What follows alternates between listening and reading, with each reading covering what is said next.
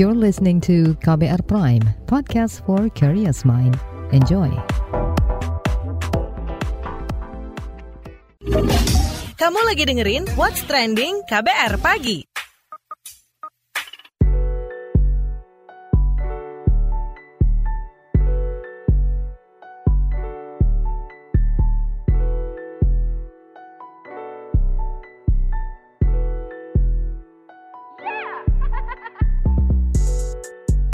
KBR Pagi, siaran pagi radio paling update. Selamat pagi, apa kabar Anda hari ini di hari Senin 9 Mei 2022?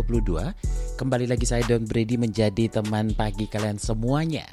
Menyoal wisata berujung petaka, itu yang kita obrolin pagi ini, jadi memang nggak bisa dipungkiri nih. Kalau liburan, seperti libur lebaran kemarin itu merupakan waktu yang tepat untuk mengunjungi tempat wisata.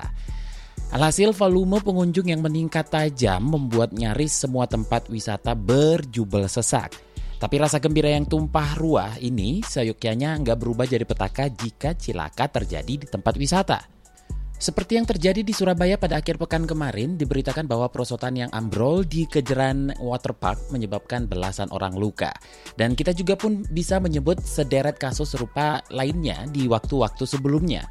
Padahal menurut Yayasan Lembaga Konsumen Indonesia atau YLKI, pelaku usaha atau pengelola tempat wisata wajib memberikan rasa aman, selamat, dan nyaman bagi konsumennya sebagai pengguna jasa tempat wisata. Nah, sebelum kita obrolin lebih lanjut, kita dengarkan dulu komentar warganet plus 62 berikut ini.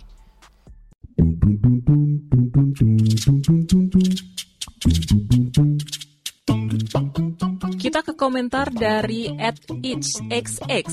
Infonya ada kecelakaan di Kenjeran Waterboom gitu. Ya Allah, hati-hati rek. Niat hati liburan malah ke UGD ntar. Lalu at Wawa XX. Lihat video yang pada jatuh di water slide Kenjeran Park serem ya. Apalagi video lanjutannya. Di YouTube juga ada tuh kecelakaan-kecelakaan di wahana rekreasi lainnya. Lanjut, at Scoop XX.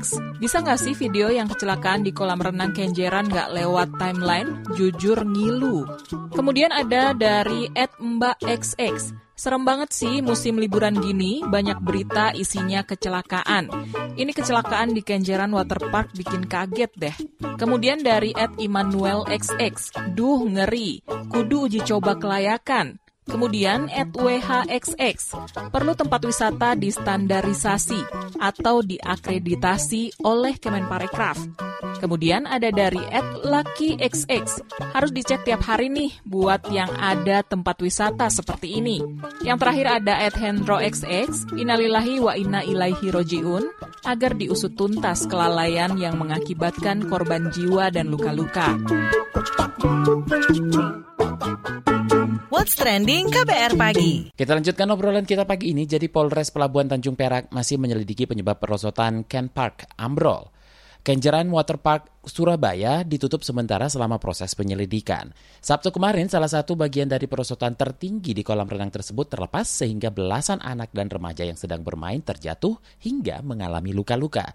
Gubernur Jawa Timur Kofifa Indar Parawansa pun menyatakan pemerintah sedang memprioritaskan penanganan medis hingga terapi psikososial bagi para korban perosotan yang ambrol itu.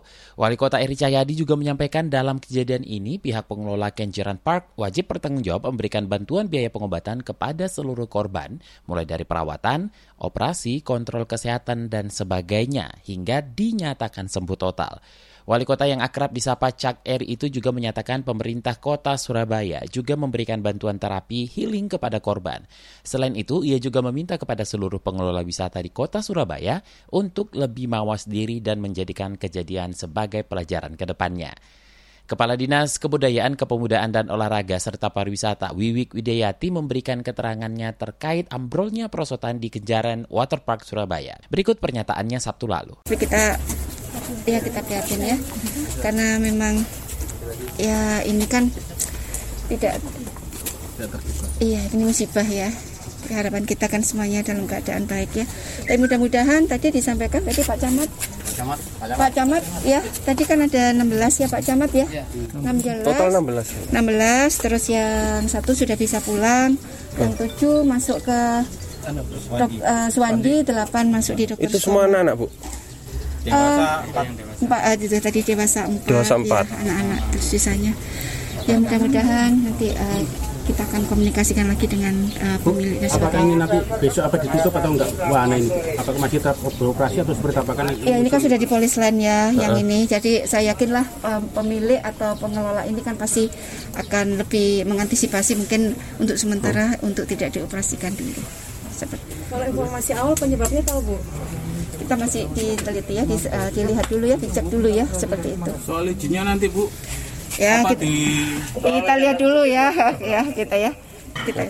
Sementara itu atas kejadian itu salah satu anggota DPRD Kota Surabaya Baktiono meminta Dinas Pariwisata dan Kebudayaan agar lebih proaktif untuk memeriksa kelayakan seluruh wahana permainan indoor maupun outdoor. Berikut tanggapannya kepada KBR. pariwisata dan kebudayaan itu sekarang harus proaktif untuk mengecek bahkan membuat sertifikat layak fungsi baik wahana permainan indoors ada di mall-mall maupun yang outdoors dan seluruh korban harus dibiayai sampai sembuh bahkan sampai pasca oleh pemilik atau pengelola Kenpark atau Panteria Surabaya. Iya. Seperti yang saya sampaikan tadi, dicek SLF-nya, sertifikat layak fungsinya. Jadi bukan terima pajak dan retribusinya saja, tapi turun. Di mall-mall itu kan ada, juga harus dicek kelayakannya, fungsinya, berbahaya atau tidak bagi pengunjung. What's Trending KBR Pagi.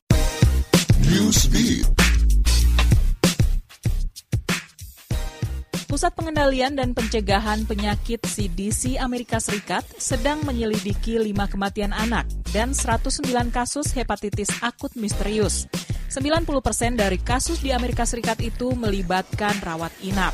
Sementara 14% membutuhkan transplantasi hati.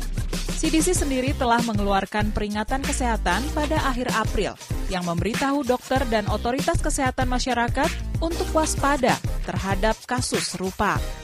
Otoritas Kesehatan Inggris Sabtu 7 Mei kemarin melaporkan adanya seorang warga yang telah didiagnosa terinfeksi virus cacar monyet langka. Hal ini dicurigai terkait dengan perjalanan warga tersebut ke Afrika Barat. Cacar monyet adalah infeksi virus langka mirip cacar pada manusia yang diberantas pada 1980. Badan Keamanan Kesehatan Inggris UKHSA menyebut orang yang baru kembali dari Nigeria itu kini dirawat di unit penyakit infeksi serius di London. Otoritas kota Shanghai, Tiongkok memutuskan untuk menunda ujian nasional atau Gaokao selama sekitar satu bulan setelah memasuki masa krusial penguncian wilayah atau lockdown yang berkepanjangan. Ujian nasional akan ditunda hingga pertengahan Juli mendatang. Wakil Wali Kota Shanghai Chen Kun menyebut, hal ini dilakukan dengan pertimbangan agar para siswa bisa dalam kondisi prima sebelum ujian, setelah berdiam diri di rumah dalam waktu yang relatif lama, serta memiliki cukup waktu untuk kembali belajar di sekolah dan mempersiapkan diri sebelum pelaksanaan ujian nasional. What's Trending KBR Pagi. Menyoal wisata berujung petaka itu yang kita obrolin pagi ini, jadi dilansir dari website ylki.or.id, pasal 20 Undang-Undang Kepariwisataan menegaskan bahwa setiap wisatawan berhak memperoleh informasi yang akurat mengenai daya tarik wisata, pelayanan kepariwisataan sesuai dengan standar, perlindungan hukum dan keamanan, pelayanan kesehatan, perlindungan hak pribadi, dan perlindungan asuransi untuk kegiatan pariwisata yang berisiko tinggi.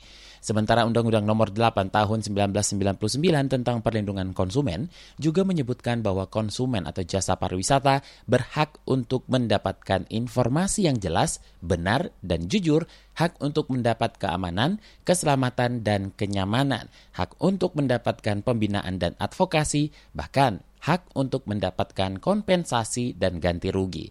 Tapi seperti apa sih keamanan dan keselamatan di tempat wisata di Indonesia? Soal ini kita obrolin bareng Ketua Ikatan Cendekiawan Pariwisata Indonesia, Azril Azari.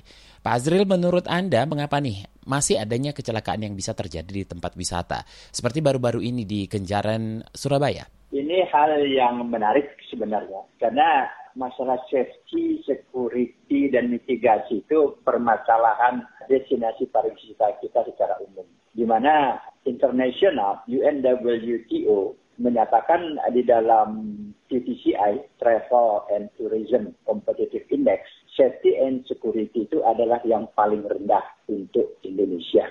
Jadi suatu indeks yang memang perlu kita perhatikan benar. Dan ini harusnya pemerintah termasuk tentunya ya pengelola destinasi pariwisata memperhatikan hal ini karena ini menjadi perhatian dunia terhadap kita sendiri. Kalau Anda lihat sejauh ini sudahkah memadai pengawasan yang dilakukan terhadap pengelola wisata terkait aspek keselamatan? Bagaimana memastikan pengelola mematuhi aspek keselamatan? Sebenarnya manajemen risiko itu wajib bagi siapa saja penyelenggara destinasi, termasuk desa wisata kita juga harus punya manajemen risikonya. Karena di dalam uh, manajemen risiko ini bukan hanya menggunakan manajemen risiko saja, tetapi juga identifikasi dan mitigasi terhadap keadaan darurat maupun bencana ini perlu ada dan rencana keadaan darurat tersebut wajib ada. Nah, sekarang kita pertanyakan apakah mereka sudah melakukan atau tidak. Satu. Kedua, apakah ini sudah diberikan pengarahan tidak oleh penyelenggara kita atau oleh pemerintah. Nah, ini jadi masalah. Yang saya khawatirkan pemerintah juga atau Pemda dalam hal ini tentunya ya Surabaya ini memahami tidak dengan adanya risk management atau manajemen risiko maupun perlunya identifikasi dan mitigasi keadaan darurat maupun bencana tersebut. Nah, sementara itu bagaimana masyarakat perlu waspada jika berwisata? Harusnya mereka melihat dulu apakah ada biasanya itu tertulis eh, di pengelola kalau apalagi yang sifatnya jumlahnya banyak.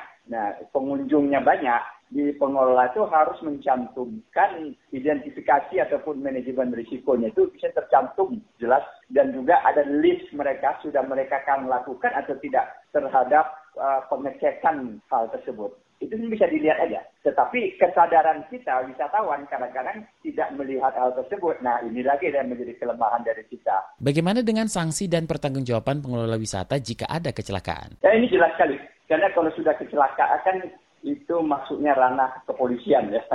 Sehingga itu sangat jelas.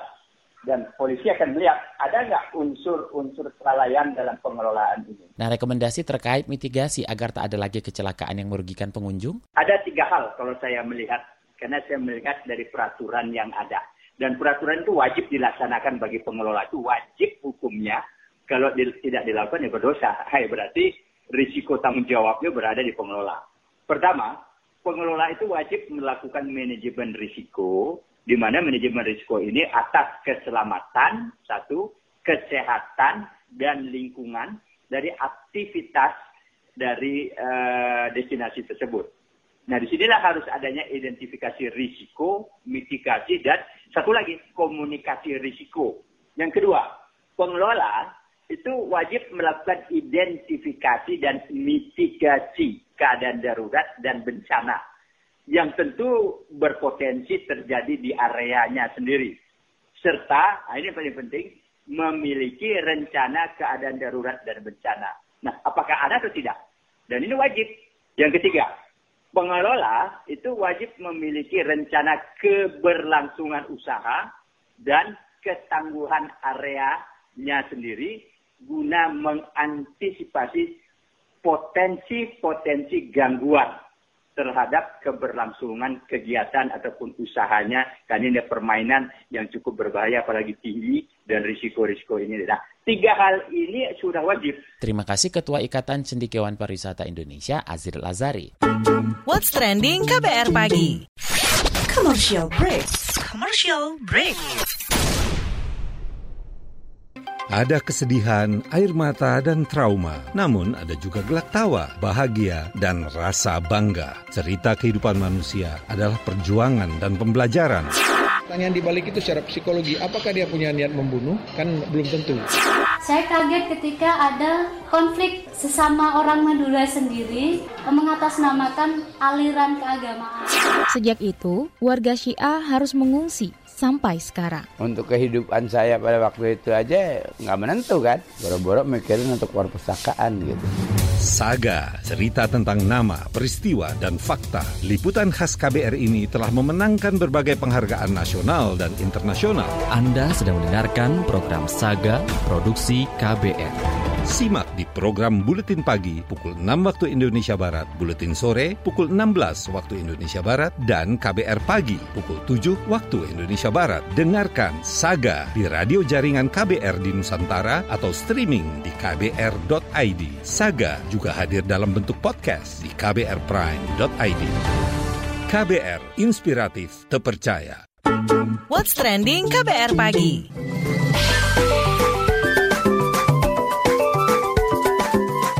WhatsApp Indonesia. WhatsApp Indonesia dimulai dari Banyuwangi, Jawa Timur. Dinas Kesehatan Kabupaten Banyuwangi, Jawa Timur menginstruksikan kepada seluruh puskesmas di daerahnya untuk turun ke masyarakat mensosialisasikan pencegahan penyebaran penyakit hepatitis akut. Kepala Dinas Kesehatan Banyuwangi Amir Hidayat mengatakan, sosialisasi ini sangat penting, mengingat masyarakat masih awam dan perlu adanya pemahaman tentang penyakit hepatitis akut ini.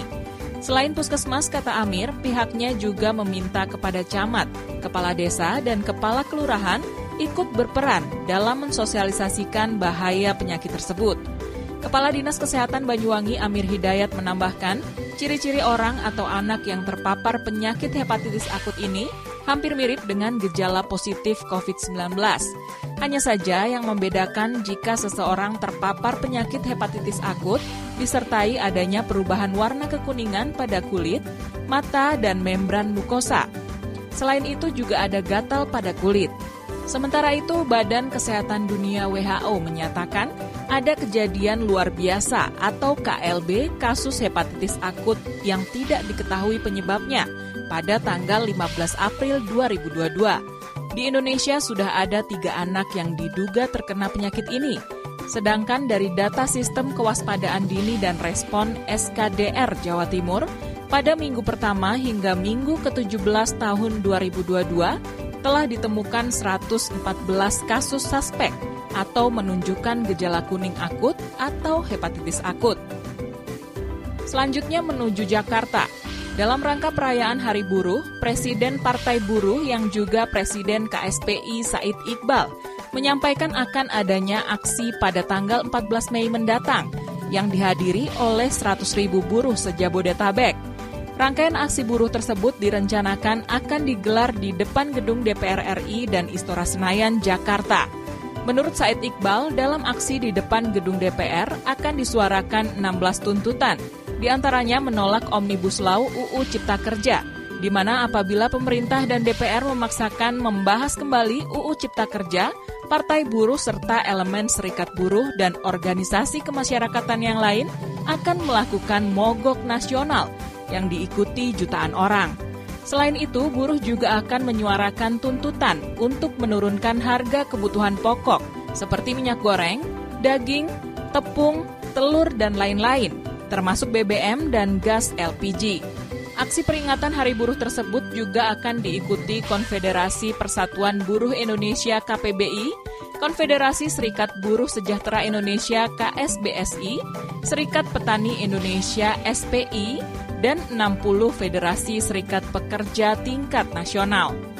Masih dari Jakarta, Panglima TNI Andika Perkasa meminta agar prajurit wanita berprestasi turut dilibatkan dalam operasi pemeliharaan perdamaian dunia di luar negeri. Mereka akan bertugas di Kongo, Sentra Afrika, hingga Libanon. Panglima TNI Andika Perkasa juga akan mengevaluasi desain penugasan prajurit yang dikirim untuk operasi perdamaian dunia, sehingga yang dipilih memang memiliki kemampuan dan pengalaman. Demikian WhatsApp Indonesia hari ini. Demikian KBR pagi hari ini. Jika Anda tertinggal siaran ini, Anda kembali bisa menyimaknya di podcast What's Trending yang ada di Spotify, kbrprime.id, dan di aplikasi mendengarkan podcast lainnya. Don't be ready, undur diri. Besok kita ketemu lagi. Stay safe. Bye-bye. Terima kasih ya sudah dengerin What's Trending KBR Pagi. KBR Prime, cara asik mendengar berita. KBR Prime, podcast for curious mind.